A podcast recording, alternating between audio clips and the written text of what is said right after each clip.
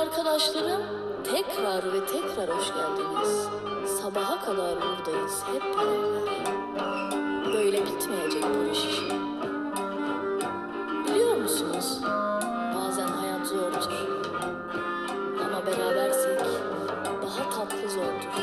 Hayat böyle bir şey işte. Birbirimize tutunursak başarabiliriz arkadaşlar. Hoş geldiniz. Birbirimize tutunursak başarabiliriz arkadaşlar. Dedi ve ekledi podcast'in yeni bir bölümüne daha hepiniz tekrar tekrar tekrar hoş geldiniz. Nasılsınız? Görüşmeyeli biraz zaman oldu sanki değil mi? Değil mi? Bana da öyle geliyor. E ne yaptı bu kız? Nereye kayboldu? E, işte geldim buradayım ama niye bunca zamandır da bölüm yapmadım? Hepsini açıklayacağım. Bütün Twitter'lar elimde. Siz buyurun geçin şöyle oturun. Ben hemen geliyorum.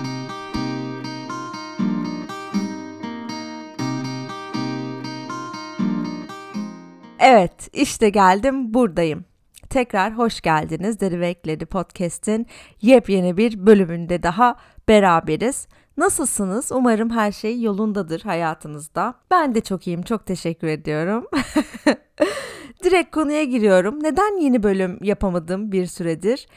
Çünkü çalışmaya başladım arkadaşlar. Aa, evet çok teşekkür ederim. Çok sağ olun. Çok çok sağ olun. Çok teşekkür ederim. Tüm hipotetik tebriklerinizi alıp kabul ettim. Bu podcast'i ilk bölümünden beri eğer takip ediyorsanız yani takip edenler benim çalışmaya başlamamın neden bu kadar mühim bir mesele olduğunu biliyorlar zaten ama hani en baştan takip etmiyorsanız ilk bu bölümle başladıysanız mesela dinlemeye hemen kısa bir açıklama yapayım. Zaten bu podcast'in ortaya çıkışının sebebi asıl sebebi benim işsiz kalmam. Yani daha doğrusu şöyle. Benim Türkiye'de yaptığım mesleği bırakıp Almanya'ya taşınmam ve akabinde işsiz kalmam sonucunda içine düştüğüm anlam arayışı ve ben bu dünyaya ne yapmaya geldim sorgusuydu. Böyle hayatımın beni yer yer sık boğaz eden, yer yer ufkumu açan bu duygusal roller coaster diyebileceğimiz dönemi içinde bir gün bir mikrofon alıp sizleri de bu yolculuğa dahil edişimle başlamıştı bu podcast. İlk bölümün adı da o yüzden akşama kadar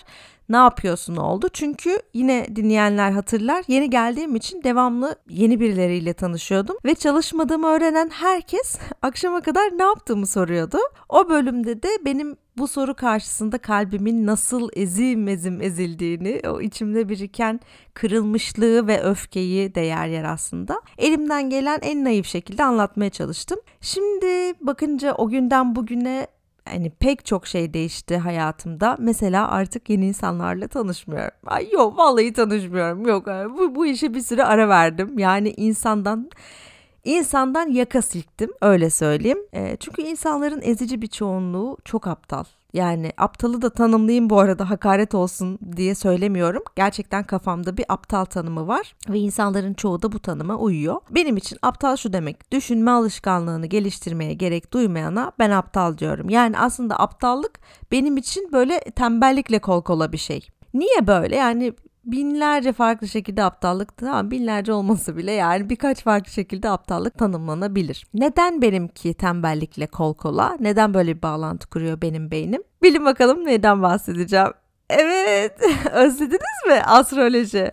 Bu arada bölüm yapmadığım dönemde herkeslerle bir şekilde konuştum ve çok fazla gelen yorumlardan bir tanesi bize astroloji anlat, daha çok astroloji anlat. Benim hiç ilgim yoktu ama sen biraz değişik anlatıyorsun, ilgimi çekiyor gibi yorumlar gelmiş. Çok teşekkür ediyorum öncelikle ilginize. Yani elimde değil, kafamda böyle çalışmaya başladığı bir süredir.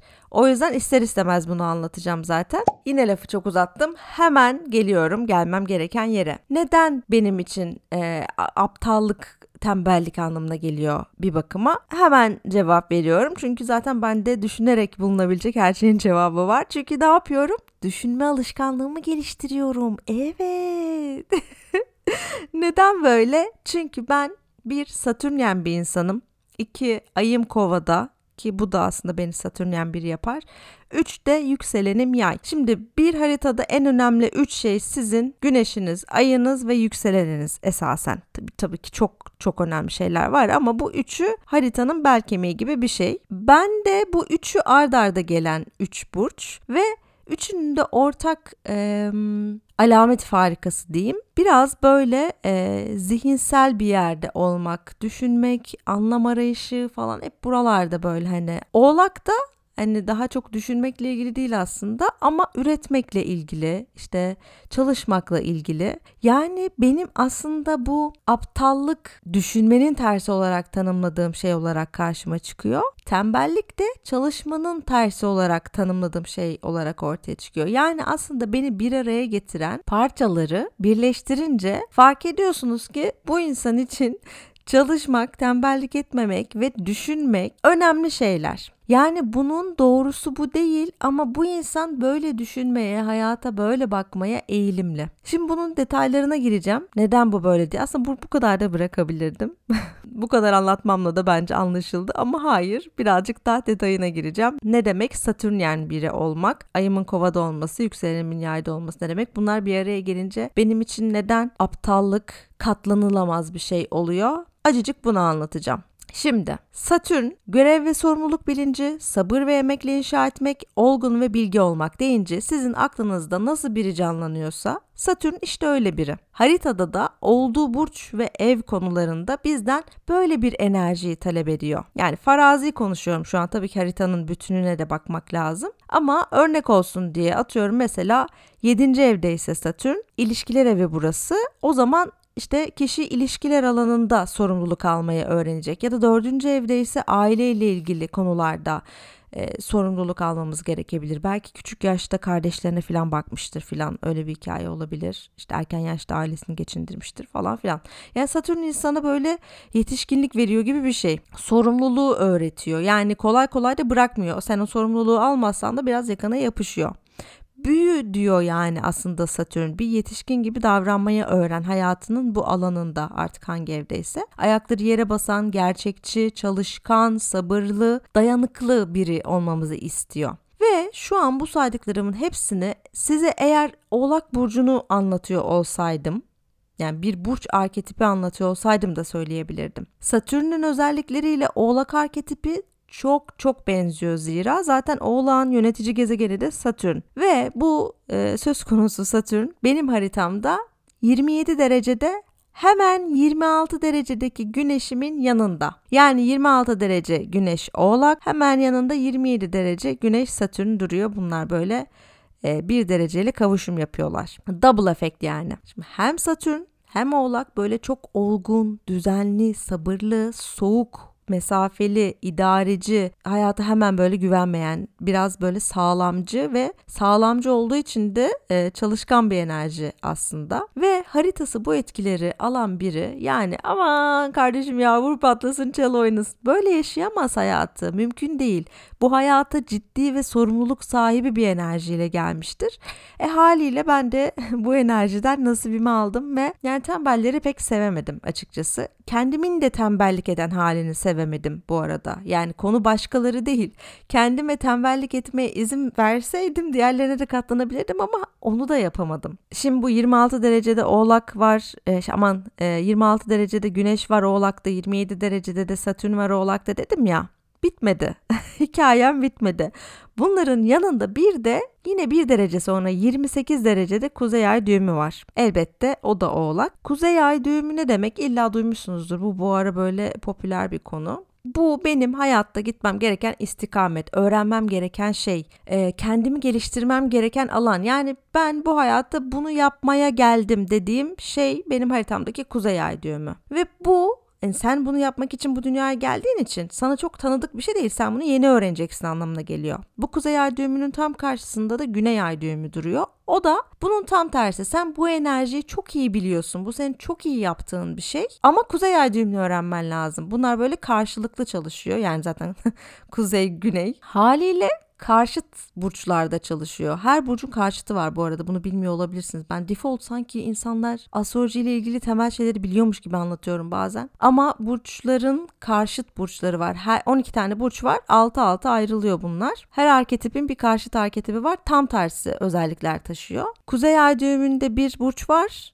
Güney ay düğümünde de onun karşıt burcu oluyor. Öyle düşünün. Güney ay düğümü için ne dedik? Bizim çok iyi bildiğimiz enerji, konfor alanımız, yani ruhumuzun ezbere bildiği şey, alışkanlıklarımız. Şimdi biz kuzey ay düğümüne gitmeye çalışırken hayat boyu bunu yapmaya çalışıyoruz bu arada. Bu bir yerde oluyor ve sonra öyle devam ediyor değil. Bu hayat boyu devam eden bir süreç. Sen o, o enerjiyi öğrenmeye çalışıyorsun. Kuzey ay düğümünde duran enerjiyi. Bu sırada da güney ay düğümünün gölge yönlerinden kurtulmaya çalışıyoruz. Güney ay düğümünün tamamından kurtulmaya çalışmıyoruz. Zaten bu mümkün de değil. Yani sizin güney ay düğümünüz neyse hangi burçsa temel enerjiniz o demek. O yüzden ondan zaten kurtulmanız mümkün değil. Ama onun gölge taraflarından kurtulmalısınız ki kuzey ay düğümüne gidin. Benim güney ay düğümümde oğlan karşıt burcu olan yengeç. Yengecin gölge tarafları ne? Kendi sorumluluğunu almamak, başkalarını suçlamak, şikayet etmek, aksiyon almamak, kendine acımak, evden ya da yataktan çıkmak istememek, duygusal tepkiler vermek, olayları dramatik ve kişisel bir yerden algılamak. Bence anladınız yani aşağı yukarı hani yengeç insanının içine düştüğü durumlar. Daha doğrusu kendi kendisini böyle aşağı çeken bir tarafı var yengeçin. Yani kendine acıyarak, duygularında kaybolarak filan kendi kendini aşağı çekiyor. Ya benim haritamın geri kalanında bu gölgeleri destekleyecek başka hiçbir şey olmadığı için ben böyle çok yoğun bir şekilde deneyimlemiyorum yengecin gölgesini. Ama yine de böyle o kadar aşikar birkaç şey var ki fark ettiğim. Mesela hiç evden çıkmak istemiyorum. Ya bu kadar, bu kadar olur yani. Hani bayılırım evde kalayım. Ay işte şurayı güzelleştireyim, burayı yeniden yapayım. İşte kahvemi doldurayım, evde kitabımı okuyayım falan. Hiç yani beni bıraksanız asla evden çıkmam. Ya da mesela şey şey çok oluyordu şimdi hani tabii çalışa çalışa üzerinde o farkındalığı geliştirdim ama önceden mesela kendime acıdığım ve e, olayları dramatize ettiğim çok oluyordu. Ve bunu fark ettiğim bir an var. O anı hatırlıyorum. Böyle siktir ortada o kadar büyük bir mesele yok. Ben abartıyorum. Gerçekten kişisel bir şey yok falan diye böyle gözüm açılmıştı yani hani ya ben abartıyorum ya. Hani kimse bana bu kadar haince davranmadı aslında. Ben e, dramatize ediyorum ya bir drama queenlik var ortada ve bunu ben yapıyorum diye e, kendi illüzyonumu fark etmiştim böyle bir olayda. Tabii o sırada bileklerime limon kolonyası sürüyorum. Hani yerden yere atıyorum kendimi falan. Yani bu arada tabii ki herkesin içinde bir drama queen olabilir. Herkes bakarsa görebilir ama Güney Ay düğümü yengeçler iki kere baksın benden söylemesi. Yani özetle yengecin gölgesi diyor ki ya gel şu yorganın altında biraz daha üzülelim. Kendimizi acıyalım, dünyayı suçlayalım ve yani bize niye öyle yaptılar gibi bir şey söylerken oğlak diyor ki kalk kalk kalk kalk kalk hemen yüzünü yıka. Hemen sorumluluğunu alıyorsun, duygularını unutuyorsun ve görevin her neyse onu yapıyorsun diyor. Yani böyle diyorum ya oğlak biraz böyle gözlerimi kaparım vazifemi yaparım enerjisi. Şimdi bu kuzey ay düğümüne gitmeye çalışıyor ve güney ay düğümünün de gölgesinden kurtulmaya çalışıyoruz ya. Bu 30 yaşına kadar genelde olmuyor. Yani kişi 30 yaşına kadar güney ay düğümünün olduğu burca göre davranmaya meylediyor. Benim de hakikaten böyle bazen yengeç gibi davranmak istediğim oluyor. Böyle içimden gelen hani beni bıraksanız yapacağım şey aslında o ama Kuzey Ay düğümüne gitmek lazım geldiği için ne yapmam gerekiyor? İnisiyatif alıp irademi kullanıp e, kendimi yerden kaldırmayı öğrenmeliyim. Çünkü oğlak o demek günün sonunda. Yani harita bana diyor ki aslında özetle senin oğlağa gitmen lazım ki bu disiplinli bir şekilde çalışmakla ilgili gerçekçi hedeflerle, kurallarla, duygularında kaybolmadan ilerlemek, çalışmak e, anlamına geliyor. Ama bunu yaparken de çok zorlanmayacaksın. Çünkü zaten senin irade gösterdiğin, iyi olduğun yer yani haritadaki güneşin, o burcum dediğiniz şey. Zaten senin o da oğlak. Üstelik Satürn'ün de oğlakta. Yani sana bunu biz kafana vura vura da olsa öğreteceğiz. Hani 30'dan sonra işin daha çok kolaylaşacak tabii ki. Hakikaten bu arada benim için öyle oldu. Yani 30'dan sonra e, biraz daha böyle sanki böyle bir kafamda bir pencere açıldı yani. Bu böyle maalesef. Bu arada şöyle de olmuyor. Yani bir sihirli değnek değiyor da 30'da bütün semptomlar azalıyor. Biz bir anda o tarafa yüzümüzü dönüyoruz. Olmuyor. Yani ben bu sırada kitaplar okudum, işte eğitimler almaya başladım, pratikler yapıyorum. Hani bir şeyler değişiyor. E, tüm bunlar için kendimi disipline ediyorum aslında. Yani zaman yönetimi yapıyorum filan. Emek harcıyorum öyle söyleyeyim. Ki zaman da bir satürn konusudur. Hatta mitolojide zaman tanrısı Kronos olarak geçer satürn filan yani her şey böyle birbirinin için o kadar geçik ki gerçekten ayırıp da anlatamıyorum. Ee, yani birincisi bu. Tüm sebepleri Satürnyen olmak diye bir başlıkta topladım aslında ama Satürnyenliğim aslında burada da bitmiyor. Haritadaki iki gösterge Ay ve Venüs burcum. İkisi de bir e, Satürn burcu olan Kova'da. Yani Satürn zaten iki burcu yönetiyor. Biri Oğlak, biri Kova. Şöyle söyleyeyim haritamda Satürn'ün yönetmediği üç şey falan var. Bunlar sebebiyle aslında Satürnyen enerji dedim. Ve aynı sebeple de benim için tembellik aptallık kadar katlanılamaz bir şey ve ikisi hemen hemen aynı şeymiş gibi de geliyor bana biraz. Yani dediğim gibi sadece diğerlerine de kurulmuyorum. Kendime de e, tanımıyorum öyle bir alan, öyle bir özgürlük. Vur patlasın çal oynasın alanı yok yani hani benim hayatımda. Ya bundan şikayetçi de değilim bu arada. Hani çok fazla böyle ay işte kendine çok yüklenme, her şeyi yapamazsın, her şeye yetişemezsin, öz şefkat, biraz sakin ol, dinle bilmem. Ya bunlar böyle ya yapacağım abicim, yapacağım. Bırakın ben kendimi hırpalayacağım ya. Her şeye yetişmeye çalışacağım. Sporumu da yapacağım, kitabımı da okuyacağım, işime de bakacağım, paramı da ya yapacağım ben seviyorum bunu. Ben bunda can buluyorum. Ben kendimi disipline etmekte, her şeye yetişmeye çalışmakta, zamanımı iyi kullanmakta can buluyorum. Yani ama birileri sürekli beni ikaz ediyor gibi hissediyorum. Yani hani hiçbir şey olmasa bir ekran kaydırırken bir psikoloğa denk geliyorum. Sakin ol. Her şeye yetişmek zorunda değilsin. Ya biliyorum. Ben de biliyorum bunu yapabilirim. Bunu yapmam gerekmiyor. Ama yapmak istiyorum be kardeşim ya. Lütfen bırakın yapacağım ya. yani Satürnyen enerji böyle bir şey maalesef. Ay bak bu arada şimdi bunu anlatırken bir aydınlanma yaşadım. Ee, şimdi ben tembellik için kendime izin vermiyorum ya. Bu tabii ki şu anda hani farkındalıklı bir yerden yaptığım için kendimi, enerjilerimi tanıyıp Hani daha da yaş aldığım için artık her şey daha net görünüyor gözüme ama 20'lerde bu böyle değildi ve çok sıkıştırıyordum kendim. Yani bir mesela sınav varsa benim yani bir hafta öncesinden çalışmaya başlardım. Mesela bak 4 senelik üniversite hayatım boyunca vizeden ya da finalden ya da bütten fark etmez herhangi bir sınavdan bir gün öncesinde benim evde olmadığım hiç olmadı. Hep evdeydim ve hep çok çalışıyordum. Ya bu böyle tabii ki o zamanlar kendini tanımadığın hani öz şefkat nedir bilmediğin bir de o zamanlar böyle şeyler de yok. Kimse konuşmuyor yani böyle şeyleri. Çok kendimi sıkıştırdığım bir yerdi. Çok kendimi sıkıştırdığım bir özelliğimdi dolayısıyla. Ee, ve o dönemde de daha doğrusu o dönemde değil sonrasında yüksek lisansa başladığımda bir kitap okudum. Paul Lafarge diye bir adam var belki biliyorsunuzdur. Karl Marx'ın damadı bu adam ve Tembellik Hakkı diye bir kitabı var. Yüksek lisansta bu kitabı okumuştum. Bu sanayi devrimi döneminde işçileri 20 saatlerce filan çalıştırıyorlar. Çalışmaktan ölen binlerce işçi var filan. Ee, ücret denecek de bir şey yok ortada. İşçiler toprak sahiplerini zenginleştirmek için böyle tarlalarda, fabrikalarda, üretim bantlarında canları pahasına çalışıyor. Paul Lafarge diyor ki ya tembellik bir hak, uyanın, bunu talep edin. Ee, siz işçi sınıfınız. Yani işçi sınıfı kendine gelsin diye kendini paralayan biri o dönemde Diyor ki örgütlenmelisiniz. Bakın hakkınızı aramalısınız. Yoksa böyle ölmeye devam edeceksiniz. Yahu ölüyorsunuz. Bu kadar çalışmayın. Ee, kendi değerinizi anlayın diyor. Bak siz iş gücüsünüz. Siz olmazsanız onların işi yürümez. İşte onlar size mecbur filan diye böyle boğaz patlatıyor adam. Zaten kitap da böyle bildiri gibi incecik bir şey. Tam tembel iş. şaka şaka. Zaten işçilerin de böyle kalın kitap falan okuyacak zamanı da yok. Yani hani kısa yoldan uyansınlar diye böyle elinden geleni yapmış adamcağız. Yani neticede bağlam bambaşka olsa da yıllar sonra bu kitap bir şekilde benim elime geçti ve okuduğumda o Paul öğütleri böyle bana ilaç gibi gelmişti. Yani içimde bir şey de var aslında. Hani kendime ne kadar yüklendiğimin farkındayım da inceden. Ama yani 20'li yaşlarda neyin ne kadar farkında olabilirsem o kadar farkındayım. O içimdeki nefes aldırmayan sıfırcı kül yutmaz hoca böyle biraz tatile çıkmış gibi olmuştu o kitapla. Ben de biraz ayaklarımı uzatmıştım ama sonra yüksek lisansı yarım bırakıp hizmet sektöründe çalışmaya başladım ve ancak o zaman gerçekten Lafarge'ın ne demek istediğini anladım. İşçilere ne yaptıklarını hizmet sektöründe çalışmaya başladıktan sonra anladım. Ama buna daha fazla girmeyeceğim şimdi. Şimdi dikkatli bakınca haritamdaki temaların gerçekten devamlı önüme geldiğini görebiliyorum. Yani mesela kendi değerim diye bir şey asla ve asla olmadığı, iş yetişsin diye çişimi tuttuğum, hastayken rapor almadığım zamanlar vardı ve çok zor işlerde çok az ücretlere çalıştım. Böyle 3-5 saatlik uykularla 12-13 saatlik mesailere kaldım filan.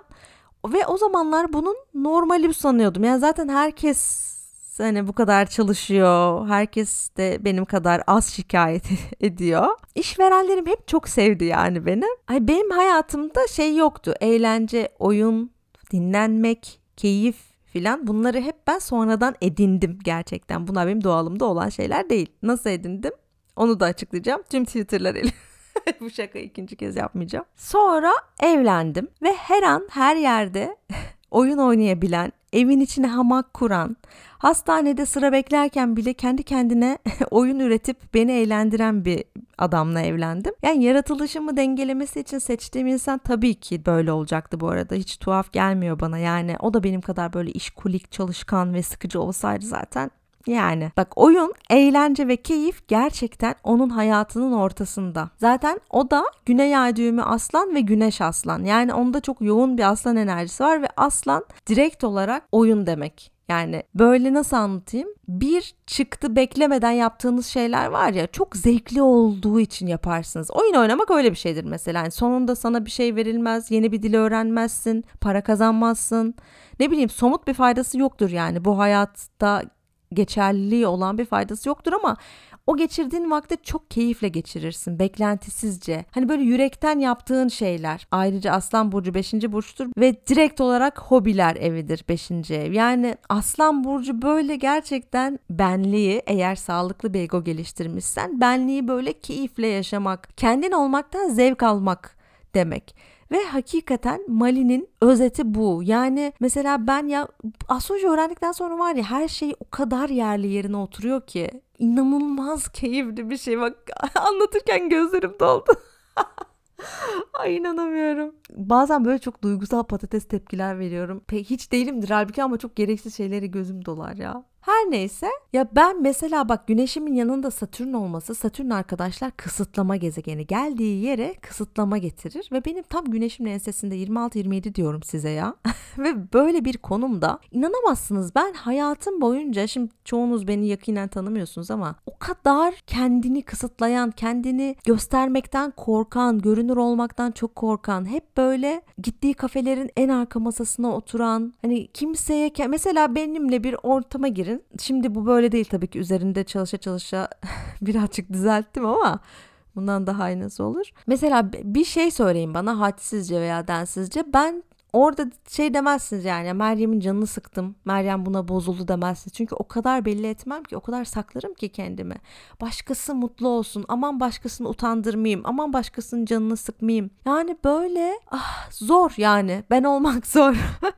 Bu açıdan zor. Haritama laf söyletmem. Şu fıstık gibi haritam var ama hani gerçekten zorlukları var. Yani kendini yaşamak konusunda kendini cüretkar bir şekilde yaşamak konusunda daha doğrusu kısıtlı bir haritam var benim ve yani Mali'de tam tersi bir şey söylediği zaman bir şey söyleyeceği zaman ay bu yanlış mı anlaşılır? Ay şu şöyle mi olur? Bu böyle mi olur? diye o kadar düşünmez ve o kadar içinden gelerek davranır ki her zaman. Yani öfkesinde de öyledir. İçinden gelir birine bir şey verir içinden gelir söyler. O kadar hakikaten benim tanıdığım en e, kalbiyle yaşayan insan olabilir. Yani eşim diye söylemiyorum bunu böyle duygusal bir yerden de anlatmıyorum. Yani canı ne istiyorsa onu yapıyor mesela. Benim kafamda halbuki melimalı ekleri var. Onu öyle yapmalıyım, şunu şöyle yapmalıyım. Şunu ne zamandır yapmıyorum, onu yapmalıyım. Ya sürekli ne yapmam gerektiğiyle ilgileniyorum. Bir Satürn Güneş kavuşumlu haritaya sahip biri olarak. Mali ne yapmaktan keyif aldığına bakıyor. Ya yani adamın neşe, canlılık, keyif bunlar hep hayatının ortasında. Neden? Çünkü Güney Ay düğümünde aslan var. Benliğini yaşamak konusunda zaten çok okey. Bu arada Güney Güney ay düğümü aslan her zaman bu demek değil. Tanıdığım başka güney ay düğümü aslanlar var. Aslan ne demek? Benlik demek. Ego demek aslında. Bu ego sağlıklı bir egoysa eğer senin böyle komplekslerinin içine gömülmüş bir kişiliğin yoksa tabii ki çok keyifle yaşarsın. Ama Güney Ay düğümü aslan aynı zamanda şu da demek. Eğer sağlıklı bir ego geliştirmediysen herkes benimle uğraşıyor. Herkes beni kıskanıyor. Bana kafayı taktılar. Ben başkayım. Ben farklıyım. Yani böyle aslan gerçekten çok kritik bir burç. Tam böyle kendimizi, benliğimizi öğrendiğimiz aşamada 5 burç. Bir yere anlatırım size. Zodyan hikayesi de çok zevklidir. Ama yani e, tanıdığım insanlar arasında ya aslan burcu olmasıyla da aslan güney ay düğümü olmasıyla da pek alakası yok. Sağlıklı ego kolay bulunan bir şey değil. Neticede ne burcu olursa olsun yani. Hani haritası neye benzerse benzesin sağlıklı ego geliştirmek bir e, şey işi hakikaten. O da bir zeka işi diyeceğim şimdi. O da düşünmekle alakalı bence. Biraz da işte sonrasında kalbe gelmekle alakalı oluyor ya bütün bu iş. Yani bütün bu yukarıdaki enerjiyi, zihinsel enerjiyi, zihinde toplanan yoğunluğu biraz kalbe indirdikten sonra insan bir şeylerin farkına varıyor. Ben niye bu kadar derin konulara girdim? ne oldu bana? Uzun zamandır konuşmuyorum ya nasıl çeneme vurmuş ha. Neyse nerede kalmıştım? Konumuza geri dönecek olursak Dediğim gibi oyun, eğlence, keyif böyle e, onun hayatının ortasında duruyor ve benim hayatımın ortasında ne olduğunu da gayet iyi biliyorsunuz artık. Sonra biz Berlin'e taşındık ve benim hayatımın ortasında bir delik açıldı. Boş kaldı orası. Sonra işte zaten Covid geldi. Evlere kapandık. Ben Satürn döngümü yaşadım tam o sırada falan filan. Yani tembellik edecek bol bol vaktim oldu aslında o eve kapandığımız iki sene. Ama etmedim. Evi boyadım, mobilyaları boyadım, düzenli spora başladım, durduk yere 7 kilo verdim, yemek yapmayı öğrendim. Bir Instagram hesabı açıp bu yaptığım yemekleri paylaştım, içerik ürettim. 108 gün aralıksız yoga yaptım. Aralıklı oruca başladım. Onu da bir o kadar devam ettirdim. Yani ben irademi güçlendirmekte can buluyorum. Bunu anladım. Ama bir yandan da bir kere bile ayaklarımı uzatıp böyle bir sezon dizi bitirmedim yani. O verimli olmayan vakitleri yaşamıyorum saydım hayata katma değer üretmeye geldim sandım ve sanırım şu an Satürn'ün ne demek olduğunu daha iyi anladınız. Geçtim düşünme alışkanlığını geliştirmeye gerek duymayana ben neden aptal diyorum onun ikinci sebebine. Mesela niye kitap okumaktan, eğitim almaktan, işte eskiyle yeniyi değiştirmekten, yeni fikirlerden bu kadar çok bahsediyorum? Çünkü benim ayım kova. Ay kova düşünür. Yani aslında ay hissetmekle alakalıdır. Duyguları anlatır, duyguları nasıl yaşadığımızı anlatır. Ama öyle kovanın çok duygularla da pek işi yoktur. Yani zihinsel bağlantılar kurar, düşünür, fikreder, konuşur bir hava burcu olarak. Ne hakkında düşünür peki? Toplumsal konuları düşünür. Tüm insanlığı ilgilendiren şeyler hakkında kafa yorar. Yani kişisel şeylerle çok ilgilenmez aşk, meşk, ilişkiler, aile falan çok buralarla çok ilgilenmez yani. Onun işi evrensel konulardır. Zaten 11. burç Kova. Yani şöyle düşünün. Zodyan e, sondan bir önceki burcu toplam 12 burç var ve tüm burçlarda dolaşıp tüm kişisel halleri deneyimlediğiniz gibi düşün. Yani şöyle Koç birinci burç, Koç'ta birey olmayı öğrendiniz. Dünyaya geldiniz, bebeksiniz. Diyorsunuz ki ha ben biriyim yani hani ben biriyim, bireyim. Sonra ikinci burç boğada neye sahip olduğunuzu anlıyorsunuz ve sahip olduğunuz varlıkları korumayı öğreniyorsunuz.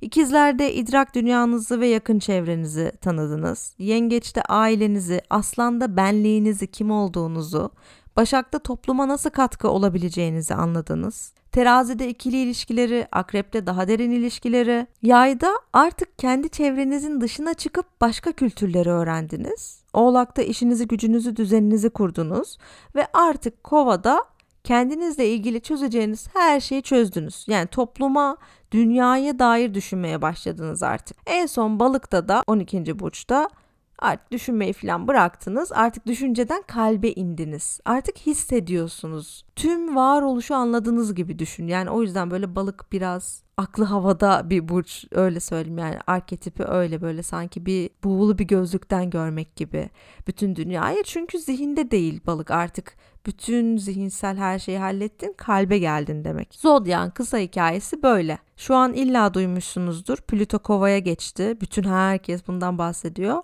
Yani bir girecek çıkacak filan bu sene sonunda tam olarak girmiş olacak. Girecek çıkacak derken retro yapacak falan filan. Sonra da önümüzdeki 20 yıl burada kalacak. Yani bunu uzun uzun anlatmayacağım şimdi. Hayret. ama önümüzdeki 20 yıl bizim kova konularında bazen yıkıcı ama illa dönüştürücü etkiler yaşayacağımızı gösteriyor özetle. Kova konuları ne peki?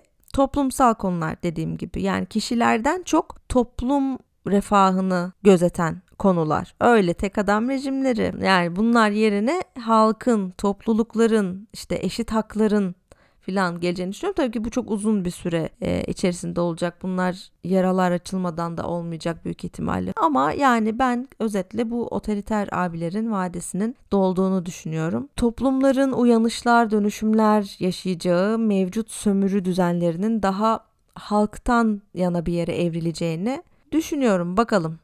Çünkü kova böyle asi ve farklı bir enerjidir. Yani uzaylı enerjisi derler. Öyle ele avuca sığmaz, isyan eder, düzen değiştirir. Ve bak şimdi düşününce Paul Lafarge'ın bu tembellik hakkından neden bu kadar etkilendiğimi biraz daha iyi anlıyorum. Çünkü böyle onun o isyan dolu hani işçileri uyandıran, toplum için bir şeyler yapan hali hem de bir zümre zenginleşsin diye yoksul işçilerin telef olması zaten tam kovanın isyan edeceği bir şey. Yani eşitlik der kova. Birey yok, birey yok, zümre yok. Ekmekse ekmek herkesin. Yani beni bu kitap biraz da buradan vurmuş bence. Ay burcumu tetiklemiş. Bu arada bu kitaptan ödev yaptım ben. Sonra o kadar hoşuma gitti hani beni yani neden beni bu kadar etkilediğini anlayabiliyorsunuz değil mi şu anda? Ve dedim ki tezimi de bunun üzerine yazayım. Sonuçta yani upuzun bir şey çok da gözümde büyüyen bir şey. Bari eğlendiğim bir konu olsun. Sonra bunu tez danışmanıma söyledim ve tez danışmanım daha önce bu konudan ödev yaptığımı da öğrendikten sonra beni ironik bir şekilde tembellik etmekle suçlamıştı. Yani ha, ödevi yaptın şimdi de o bildiğin konudan tez mi yazacaksına filan getirdi. Hani başka okumalar yapmaya üşendiğimden e, o kitapla ilgili tez yazacağım düşünmüştü. Yani Şelale Hoca seni hiç sevmedim. O tezi de yazmadım zaten. Hayatımda da verdiğim en doğru karardı. Ve tabii duymuşsunuzdur teknoloji de demek kova. Yani bunu öngörmek için astrolojiye de gerek yok aslında ama teknoloji de manyak bir yerlere gelecek. Yani epey fantastik bir gelecek bizi bekliyor. Ama Plüto dönüşüm gezegenidir ve bunu böyle kolay yoldan yapmaz. Yani globalde çok sarsıcı şeyler de yaşanabilir. Mesela Plüton'un en son kova geçişinde Fransız devrimi olmuş. İlkeleri neydi hatırlayalım Fransız devriminin. Liberté, egalite, fraternite. o kadar kötü de söyle. Liberté, egalite, fraternite. yani which means eşitlik, özgürlük, kardeşlik. Aynen öyle. Kova dedin mi de bunlar. Nasıl derler? Siz nasıl diyor? Bir paradigma değişimi olacağı söylenebilir yani. Buradaki e, değişim kelimesini Plüto'dan aldık. Paradigma kelimesini de Kova'dan aldık. Çünkü dediğim gibi Kova bir hava burcu olduğu için bilgiyle alakalı. Şimdi buraya nereden geldik? Benim haritamdaki Aykova'dan geldik. Aykova'yı çok iyi anladık bence. Oraya da nereden gelmiştim? Aptal insanlardan gelmiştim. Vardığım yerde Ay burcu yani temel ihtiyacı bilgi ve düşünmekler olan birinin neden aptal tanımının düşünme alışkanlığını geliştirmeye gerek duymayan olduğunu bence anlayabiliyorsunuz. Şimdi bunların üstüne bir de yükselen yay olunca oradan da böyle bir aşırı merak geliyor. Neyi merak ediyor yay enerjisi? Benim doğduğum yer dışındaki hayat nasıl yaşanıyor? Dünyanın diğer taraflarında hatta dünyada yani hayat başka bir yerden nasıl görünür? Bunu çok merak ediyor. Bu dünyanın farklı bir yerinde doğmuş olsaydım o zaman hayata nasıl bakacaktım? Başka biri olmak nasıldır? Ya size ilginç bir şey söyleyeyim. Yurt dışına taşınan arkadaşlarımın çoğu ama çoğu yani yay ya da yükselen yay hiç olmadı ayı yay. Yani birinin haritasında yay vurgusu varsa böyle biraz gerçekten farklı kültürlere, yabancı dillere, dünyayı daha geniş bir perspektiften e, algılamak konusuna aynı zamanda daha derin bilgiye, felsefeye falan hep merakı oluyor. Her burç bu arada aksiyle bir. Yani yay bazen çok kendi fikirlerine, kendi kültürüne saplantılı olmayı da verebilir her burç temsil ettiği şeyin aksini de çalıştırabilir. Mesela milliyetçilik verir. Fanatik bir hali de gölgesinde taşır. Yani en iyi biziz. Ki bunun da örneğine çok denk geldim. Yani böyle biraz üstten bakma vardır yayda. Çünkü çok araştırıyor, derin bilgiye ulaşıyor. Haliyle de çok güveniyor bilgisine. İşte eğer egoyu tanımazsa böyle bir narsisizm de verir. Dediğim gibi yani hakikaten burcun, haritanın hiçbir önemi yok. Hepimizin egosunu tanıması gerekiyor. Ama tabii ki farkındalığı gelişmiş, egosunu tanımış bir yay enerjisi daima bakış açısını genişletmek için daha çok bilgiye ihtiyaç duyacaktır ve gördüğünüz gibi haritanın farklı bir yerinde daha yine konumuz aynı bilmek, öğrenmek, araştırmak, düşünmek. Ne saymıştım? Ay kova, yükselen yay ve satürnyen biri olmak. Yani benim için bir insanın düşünme kabiliyeti hatta kabiliyetinden de ziyade yani kabiliyet olmayabilir ama niyeti kalkışması olması gerekiyor. Yani bu kritik bir nokta. Düşünmeye niyeti olması lazım ya. Düşünmeye kalkışması lazım. Yani bu benim en azından benim konuştuğum, görüştüğüm, e, hayatıma aldığım vakit geçirdiğim insanlarda çok aradığım ve önem verdiğim bir şey. Bütün bu bilgiler ışığında ben ay kovamla aptallıktan, yükselen yayımla, yüzeysellikten ve oğlak güneşimle de tembellikten çok rahatsız oluyorum. Bunlar için kendime de izin vermiyorum. Yani yanımda yöremde olsun da istemiyorum. Ve astrolojiyi gerçekten bu yüzden çok seviyorum.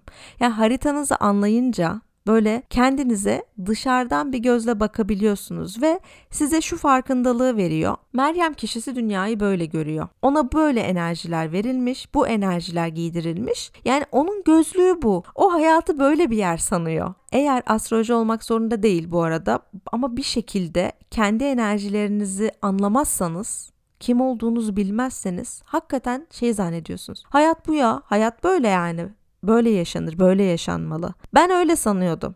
Herkes düşünmeli, herkes fikretmeli. Mesela ben 18 yaşında üniversiteye gittim İstanbul'a. Normalde Mersin'de yaşıyordum. Ailem orada. Tarsus'ta daha doğrusu. Tarsus'ta da Mersin demeyi hiç sevmiyorum. Tarsus Tarsus'tur. Some taşralı problems. Ya Tarsus'tan 18 yaşında İstanbul'a gittim ve o zaman şöyle düşünüyordum yani uzun zamanda böyle düşündüm bu arada. Yani insan ailesinden ayrılmalı ya kendini bulabilmesi için ailesinden gerçekten ayrılmalı. Bu arada hala böyle düşünüyorum. Yani sonra da takdir edersiniz ki biraz daha uzağa Almanya'ya taşındım. Yani varsa daha uzağa da gitmeyi planlıyorum ömrüm yeterse. Çünkü benim için özgürlük bu. Tabii ki sevdiklerini özlemeye getirmiyor mu? Getiriyor. Kendini çok sık güvensiz hissetmeyi getirmiyor mu? Getiriyor. Evet. Konfor alanından uzaklaşmayı getiriyor mu? Getiriyor. Ama ben bunu seviyorum. Hayatı böyle yaşamayı seviyorum. Sorun şu ki önceden bunun doğru olduğunu düşünüyordum ve şu an mesela hala yakın arkadaşlarım var. Aileleriyle yaşıyorlar. Benle aynı yaştalar. Hiç bulundukları hani Çukurova'nın dışına çıkmamış çok insan var mesela arkadaşım. Şu an oranın yanlış olduğunu düşünmüyorum. Eskiden öyle düşünüyordum. Yani ben benim içimden böyle bir şey geliyor. E bu, bu doğrusu gibi geliyordu. Şu an şeyi görebiliyorum. Benim haritam böyle olduğu için ben böyle düşünüyorum. Bunun doğrusu bu değil. Bu ne yapıyor biliyor musunuz? O ego terbiyesi var ya işte onu yapıyor. He bu dünya benim gördüğümden ibaret değil. Ben bu insanı anladım sanıyorum ama aslında hiçbir bok anladığım yok. Sadece kendi zihnimle bir yorum yapıyorum diyorsunuz. Gerçekten bunu benden duyun istemem ilk kez duyuyorsanız ama kimsenin kimseyi anlaması mümkün değil. Sadece karşınızdakini dinliyorsunuz ve kendi zihninizle bir yorum yapıyorsunuz onun nasıl bir şeyin içinden geçtiğini, neler düşündüğünü, nasıl algıladığını hiçbir zaman bilemeyeceksiniz. Bu çocuğunuz bile olsa, eşiniz bile olsa artık yani kimse. Sadece kendinizin dünyayı nasıl gördüğünden emin olabilirsiniz. Bir başkasının dünyayı nasıl gördüğünden emin olamazsınız. Ya bu çok bariz bir bilgi tamam mı? Çok böyle hani kör göze parmak bir şey, ayan beyan, malumun ilamı daha ne diyebilirim yani. Çok basit bir bilgi ama o kadar gözden kaçırılıyor ki. Neyse buna başka bir zaman gireriz. Şimdi yine konuyu başka bir yerlere getirdim. Ne diyordum? İşte haritamı bilmeden önce ben de düşünüyordum ki yani bunun doğrusu bu. İnsan dediğin çalışmalı, takılı kalmamalı, şikayet etmemeli, ilerlemeli. Ama şu an görüyorum ki yani başka biri tamamen eğlenmeye, partilemeye gelmiştir belki. Yani onun haritası öyledir. Benim gözümde bu katlanılmaz bir şey olabilir sahiden ama bu yanlış demek değil. Yani astroloji öğrenmek sizi böyle kendi gözünüzden çıkarıyor. Kendinize böyle dışarıdan bakıyorsunuz ve bu elbette çok tetikleyici bir şey. Çünkü haritada sadece minnoşluklarınızı görmüyorsunuz. Yani sevmediğiniz de bir sürü taraf var. Ezilmişlikleriniz var, kompleksleriniz var, yaralarımız var. Bunları görmeye, anlamaya hazırsanız haritanızı ve kendinizi de bir bütün olarak görür ve dünyayı yargılamayı bırakabilirsiniz. Ya kötünün kötü olmaya geldiğini anladıktan sonra onu nasıl yargılayabilirsin ki? Kimse ama kimse doğru yerde olmadığı gibi yanlış bir yerde de değil. Herkes kendi döngüsünde olması gerektiği yerde. Doğru ve yanlışa bu kadar kafa patlatmamıza yemin ederim ki hiç gerek yok. Yani biz dışarıdaki dünyayı kendi gözlüğümüzle görüyoruz. Hepsi hepsi bu kadar. Bu dünyada olduğumuz sürece de bu böyle olacak. Yani bu gözlükleri takacağız. Kendimize de bu gözlükle bakacağız. Dışarı dışarıya da. Bu kötü bir şey değil ama yargıdan çıkmak istiyorsak kesinlikle ve kesinlikle farkında olmamız gereken bir şey. Benim gözlüğümle de e, benim fikrim niye bu? Niye ben bunu savunuyorum? Hani fikirlerim neye göre şekilleniyor? Ben neden böyle konuşuyorum? Neden ondan alınıyorum? Şu durumda niye şöyle davranıyorum gibi sorular sormak bu arada bunlar sorulur. Yani sormak iş değil. Önemli olan kendine dürüst cevaplar verebilmek, ona cesaret edebilmek. Yeni bir şey öğrenmeye gerek duymak. Var olan fikirlerini, davranış ve yargı kalıplarını şöyle arada bir havalandırmak. Bence yapılması gereken bir şey. Zaten birey olmak diyorlar buna. Yani bir güruha, kesime, zümreye ve onlara ait ideolojilere sırtını yaslamadan bunu tekrar söylemek istiyorum. Bunun, kafanızda bu cümlenin altını çizin. bir güruha, kesime, zümreye ve onlara ait ideolojilere sırtını yaslamadan tutarsız olmak pahasına kendi düşünce sistemini kurmak. Dünyadaki yerini anlama hevesinde olmak yani. Bunu işte ben çoğu kişide görmüyorum ve bunu görmediğim herkese bir miktar aptal diyeceğim. Aptala aptal göte göt demeliyiz. Yani bu bir yargı değil farkındalıktır. Nöbetçi farkındalıklar göreve. Bu farkındalık çok kıymetli ve elzemdir. Çünkü geyik aslanı tanımalı ki geldiğinde anlasın, yem olmasın. Bu kuş uçuşu dizisinden Arakanolojim için herkesten özür diliyorum.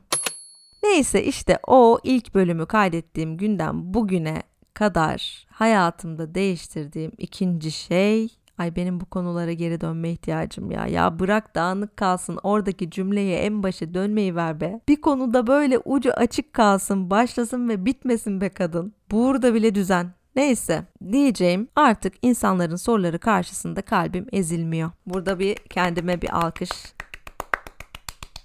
ya bunu başarabildiğimi gördükçe gerçekten gözlerim doluyor. Hayatım boyunca kendimi maruz bıraktığım şeyleri düşününce böyle yani buralara gelmem akıl alır gibi değil. Zaten de aklında alması gereken çok fazla şey yok. Yani bu dünyada her şeyi ama her şeyi aklımızla anlamamıza gerek yok. Ama bunun altın çağındayız. Yani akılla anlamaya uğraşmanın altın çağındayız. İnsanlarla ilgili katlanamadığım bir diğer şey de bu. Bakın bakın Allah'ın işine. Ya her şeyi zihinleriyle anlamaya çalışıyorlar. Devamlı her şeyi varsayıyorlar. Bu böyleyse o öyledir. Şöyle dedim ona kızdı. Böyle dedim ona cevap vermiyor o zaman böyle. Bir mimiğinden ağzının bir oynayışından bile binlerce varsayım ya kardeşim bir salın ya. Varsayımlarına aşırı inanıyor insanlar. Kafalarının içi neyse hayatta o sanıyorlar. İnsandan çok bezdim ya. Ya öyle bir öyle bir dönemdeyim ki yani gerçekten Instagram'a falan da bakmıyorum. Bıraktım. Ben bayağı Instagram'a bakardım yani. Hem de yani içerik falan da üretiyorum. Kim ne yapmış falan diye birazcık da profesyonel de bir yerde. Ama yani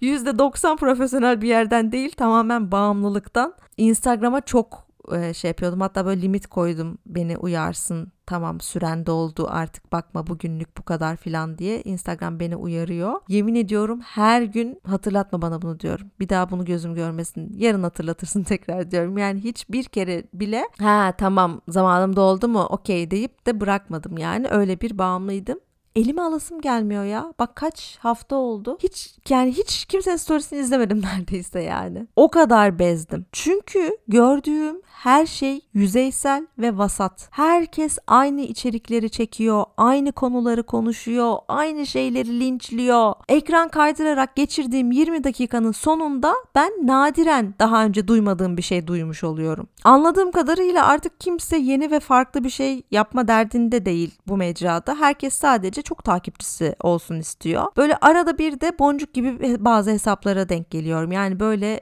parlak fikirler, orijinal içerikler, daha önce hiç görmediğim bir üretim şekline, tarzına denk geliyorum. O kadar az takipçili, kendi halinde hesaplar oluyorlar ki. Ne çok az oluyor bu zaten. Çok az denk geliyorum. Onun dışında her yerde aynı şeyler var. Her sabah cilt bakım rutini, akşamları journaling yapıyor. Böyle estetik ve steril hayatlar, uzun tırnaklarını bir takım kozmetik şişelerinin üzerine tıkır tıkır vuran hanım ablalar, her şeyle dalga geçenler, her şeyi aşırı ciddiye alanlar, açıklamayı oku captionları, 3 saniyelik videolar, sürekli akıl veren kişisel gelişim psikoloji içerikleri öyle yapma böyle yap, devamlı bir yerlerden çıkan online terapi uygulamaları ve Şubat ayında koç burçlarını neler bekliyor videoları hepsinden o kadar bıktım ki o kadar bıktım ki. Ya herkesçe kabul edileceği gün gibi ortada olan aşırı mainstream, aşırı ortalama fikirler nasıl servis ediliyor? Böyle sanki öyle bir mücadele vermiş ki bu asil, onurlu ve bulunmaz fikirleri için sanki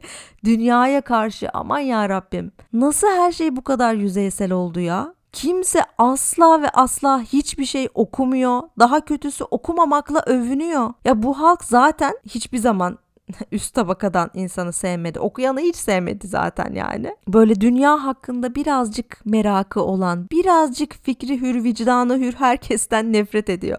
İstiyor ki herkes halktan olsun, herkes eliyle yesin, herkes yer sofrasına otursun. İşte o zaman oy veririz, bağrımıza basarız, bizden biliriz. Sanki bu toplumda hiç okumuş adama ihtiyaç yokmuş gibi öyle pis bir cahillik içinde kaldık. Hem sokakta hem Instagram'da. Artık sadece farkında mısınız bilmiyorum komedi içeriği üreten hesaplar e, alıp yürüyor. Yani takipçi sayısı böyle bir anda artıyor filan. Komedi hesabı dışında bir hesabınız varsa çok beklersiniz. Sadece gülmek ve sonsuza kadar tüm olmamışlıkları görmezden gelmek istiyoruz. Yani elimizde telefonlar sonsuza kadar komikli video izlemek istiyoruz ya. Teknoloji nerelere gelmiş, kadim bilgiler ayyuka çıkmış, internet bulunalı 20 sene olmuş. Elimize atıp her türlü bilgiye ulaşabiliyoruz. Yine de kimse hiçbir şey bilmek istemiyor. Kimsenin yeni bir şey deneyesi, öğrenesi yok. Cahit Zarifoğlu'nun dediği gibi ben bu çağdan nefret ettim. Etimle kemiğimle nefret ettim. Aslında biraz ağır konuşmuş. Yani ben nefret etmedim ama bunaldım, sıkıldım ve yıldım. O yüzden de yeni yılla birlikte böyle dış dünyaya küçük bir mola verdim. Dijital görünürlüğümden kısıp well-being'ime harcadım. Çok da iyi geldi vallahi. Sefam olsun. O kadar iyi geldi ki. Bu arada bir akses eğitimine başladım. Kundalini yogaya başladım. Çok sevdim. Çok ilginç bir şeymiş. Düzenli spora ve düzenli yüz yogasına başladım. Arkadaşlar bir ara size yüz yogasından bahsedeyim. Bir Mucize. Böyle bir şey olamaz. Harika bir şey. Bak botokstan ve dolgudan da çok yıldım. Ay bunu da söylemeden geçemeyeceğim. Bak bu yoktu. İçimden geldi. Bunu şimdi söylemeden geçemeyeceğim. Bu ne arkadaş ya? Herkes bir çene bir elmacık kemiği dolgusu. Kafaları yemişsiniz. Ya ben Jigsaw'a benzemek zorunda mıyım ya? Sen Jigsaw'a benziyorsun. Senin haberin var nasıl göründüğünden? Bana, bana, bana bunu söylettirdiniz en sonunda. Gerçekten benim elmacık kemiklerim ve çenem. Abi o çenenizi niye öyle kaşık gibi uzatıyorsunuz? Çok saçma. Sizin öyle bir çeneniz yok. Senin öyle bir çenen yok ki. Beni delirtmeye mi çalışıyorsun? Gerçekten bu estetik ya bir de böyle bir iki şimdi yüz yogasına sardım ya devamlı onların içerikleri düşüyor önüme. Onların içerikleri düştüğü için devamlı dolgu ve botoks içerikleri. Bu arada dolgu ve botoksa karşıyım kimse yaptırmasın demiyorum. Ben de yaptırırım. Yaptırılır. Yani herhangi bir şey karşı olmak konusu zaten çok komik geliyor bana. Fakat yani inanılmaz bir yere geldi konu kimsenin kendini beğenmesi gibi bir şey artık söz konusu değil. Yani kimse güzelleşmek için yaptırmıyor artık da sanki çirkin olmaktan çok korktuğu için yaptırıyor böyle şeyleri gibi bir yere geldi. Özellikle elmacık ve çene dolgusu konusunda benim gözüme çok batıyor. Yani bir hani stereo yani stereotip değil de aslında şey bir prototip var ve herkes ona benzemeli. Ona benzemeyen herkes de çirkindir gibi bir şey oluyor. Bugün şöyle bir şey oldu bu arada. Çok çok tatlı hissettiriyor böyle şeyler ya beni. Ekranı kaydırıyordum. Bir baktım kalben bir şarkı söylüyor. Onun videosuna denk geldim. Ya ne kadar tatlı bir kadın dedim ya. Ne kadar güzel görünüyor. Şunun enerjisine bak. Gözleri parlıyor. Şarkı söylerken başka bir yani o kadar geçti ki bana o şarkı söylerken ki enerjisi ve böyle birçok insan var. Hakikaten bakınca bana neşe veriyorlar. Bakınca böyle bana can canlılık veriyorlar. Ve bu insanların hiçbirinin elmacık kemikleri 5 metre öteden gitmiyor. Yani o başka bir şey. Başka bir şey. Yani olmaz.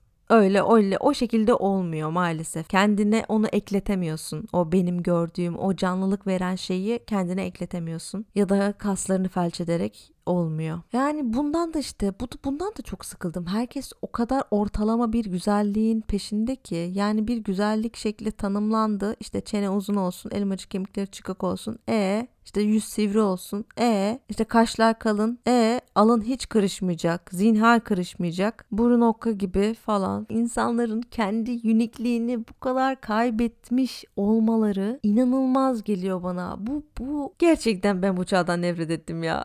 Kafayı bozdunuz. Kafayı suratınızla bozdunuz. Yok botoksuydu, estetiğiydi, yok bilmem. İşiniz gücü biraz kitap okuyun ya. Bunu bana söylettiniz artık gerçekten. Bak ben güzelliğin zeka karşısında olduğunu hiçbir zaman düşünmedim. Yani ve bu bakış açısında çok ahmakça buldum. Hem pembeyi sevip hem kitap okunmazmış gibi davrandılar çünkü bizi. Hem süslenmeyi sevip şık şıkırdım giyinip hem de akıllı olunamazmış gibi. Sarışın olunca aptal olman gerekiyormuş gibi. Yani ya dış görünüşüne önem vereceksin ya iş Böyle saçma sapan bir ayrım vardı ve biz bununla büyüdük yani benim jenerasyonum bununla büyüdü. Ben de bununla büyüdüm ve ben aksi gibi çok seviyorum giymeyi. Yani görselci olduğum zamanlarda şöyle bir şey var. Mağazacılıkta tek böyle işte e, giyme kuşama işte tarzına taktığına çıkardığına çok dikkat eden bir vitrinciler bir de görselciler vardır. Yani hem ikisini de aynı anda yaptığım zamanlar oldu hem ikisini farklı farklı zamanlarda da yaptım ve içeri girince şey dersen tamam vitrinci geldi kılığından kıyafetinden anlarsın böyle. Ve hakikaten de giyinmeyi, süslenmeyi, işte takı takmayı, kombine işin bu olduğu için sen zaten onu sevdiğin için oraya yöneliyorsun. Yani kendini giydirmeyi de çok sevdiğin için ne neyle kombinlenir? İşte alışveriş yapmayı mesela çok severiz. Ya benim görselci arkadaşlarım özledim şimdi konuşurken.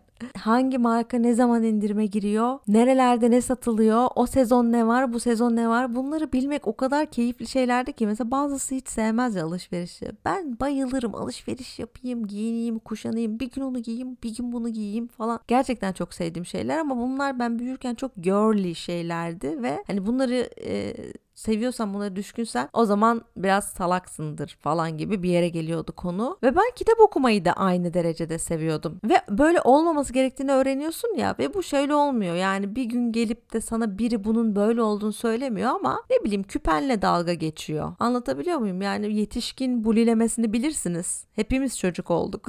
Maalesef yetişkinlerimiz de bilinçli değildi. Yetişkinlerimiz de vasattı. O vasatlıklardan buralara geldik. Böyle düşünce sistemleri kurduk olduk. Ondan sonra da bak bugün bu tarihte beni o kadar bezdirdiniz ki botokstan, estetikten artık bunları yapmayın azıcık kitap okuyun der hale geldim yani. Gerçekten ipin ucu kaçtı gibi hissediyorum. Bir noktada kim ne yaparsa yapsın kardeşim sen yaptırma çok istemiyorsan. Birazcık da liberalizm diyebilirsiniz. Çok da haklısınız. Kesinlikle öyle zaten. Yani benimki bir e, gözlem öyle söyleyeyim. Yoksa kimsenin yakasında tutup da estetik merkezinden çıkaracak halim yok. Bu arada ben ben de yaptırmayı düşünüyorum yani bazı e, şeyler öyle söyleyeyim. Yani bunun bir kalın çizgiyle çizilmiş bir ayrım yok tabii ki ama bazı konular böyle çok hype oluyor. Ondan sonra boka sarınca da giderek popülaritesi düşüyor ya. Bence bu botoks dolgu muhabbeti öyle bir yere evrilecek. Heyecanla bekliyorum yani e, evrildiği şeyi. Ha buraya nereden geldim? Yüz yogasına başladım. Ya çılgın bir şey ya. Gerçekten çılgın. Haftada 3 yapıyorum soranlar için. Çünkü çok soruluyor. Yani bu Instagram'da çok fazla görünmediğim süre boyunca en çok sorulan şey yüz yogasıydı bana. Bir story attım 5 gün onu konuştuk. Yani yoganın her türlüsü çok güzel. Kundalini yogaya da bayıldım. Bu çok değişik bir şey. Ya ben normal yoga zaten yapıyordum normal yoga dediğim de şey oturmalı kalkmalı yoga. Ama bu başka bir şeymiş yani enerjiyle çalışıyor, çakralarla çalışıyor. İnanılmaz keyifli ya. Yani insanın yani daha doğrusu bak yine insanın diye genellemeyeyim. Benim bizzat e, Meryem kişisinin. Ya ben kendimde bir şeyler denemeye bayılıyorum. Bakalım şimdi kundalini yoga deneyeyim nasıl olacak? Neler olacak? filan ya da işte bir akses sınıfı alayım hayatımda neler değişecek. Dünyada o kadar çok işe yarayan şey var ki arkadaşlar o kadar işe yarayan şey var ki size anlatamam. O kadar hiçbir şey denemiyorsunuz ki. Yine sinirleniyor saçma sapan. Kimi azarlıyorum? Kimi azarlıyorum? Bilmiyorum farklı şeyler denemek beni çok besleyen bir şey. Ama tabii ki ne dedik? Ee, beni besliyor diye herkes de besleyecek hali yok. Bazıları da elmacık kemiklerini dolduracak. Yapacak bir şey yok. Oraya saracak. Velhasıl düzenli spora başladım. İşte çeşitli yogalara başladım. Çalışmaya başladım. Telefona bakmadım, hava aldım, şirinler izledim, güzel kahvaltılar hazırladım, doğum günümü kutladım, Wes Anderson izledim, telefona bakmadım, evin bazı yerlerini yeniledim, bol bol dinlendim ve çok çalıştım. Ya yeniden çalışmaya başlamak çok güzel gerçekten ve biraz da duygusal açıkçası benim için. Metin yazarlığı yapıyorum bu arada. Buraya kadar da söylemedim galiba. Daha önceden de yapmıştım Türkiye'deyken. Ara ara hala da iş gelince yapıyordum hani buraya taşındıktan sonra da ama şu anda çok sevdiğim konularda yazıyorum ve çok sevdiğim biriyle çalışıyorum. Yani onun da başka bir hikayesi var ama o hikayeyi de artık size başka bir zaman başka bir bölümde anlatırım. Çok güzeldi sizle tekrar kavuşmak. Çok da içmesinden bir bölüm oldu. Sizi çok seviyorum. Beni dinlediğiniz için çok teşekkür ederim. Bir sonraki bölümde görüşmek üzere. Hoşçakalın.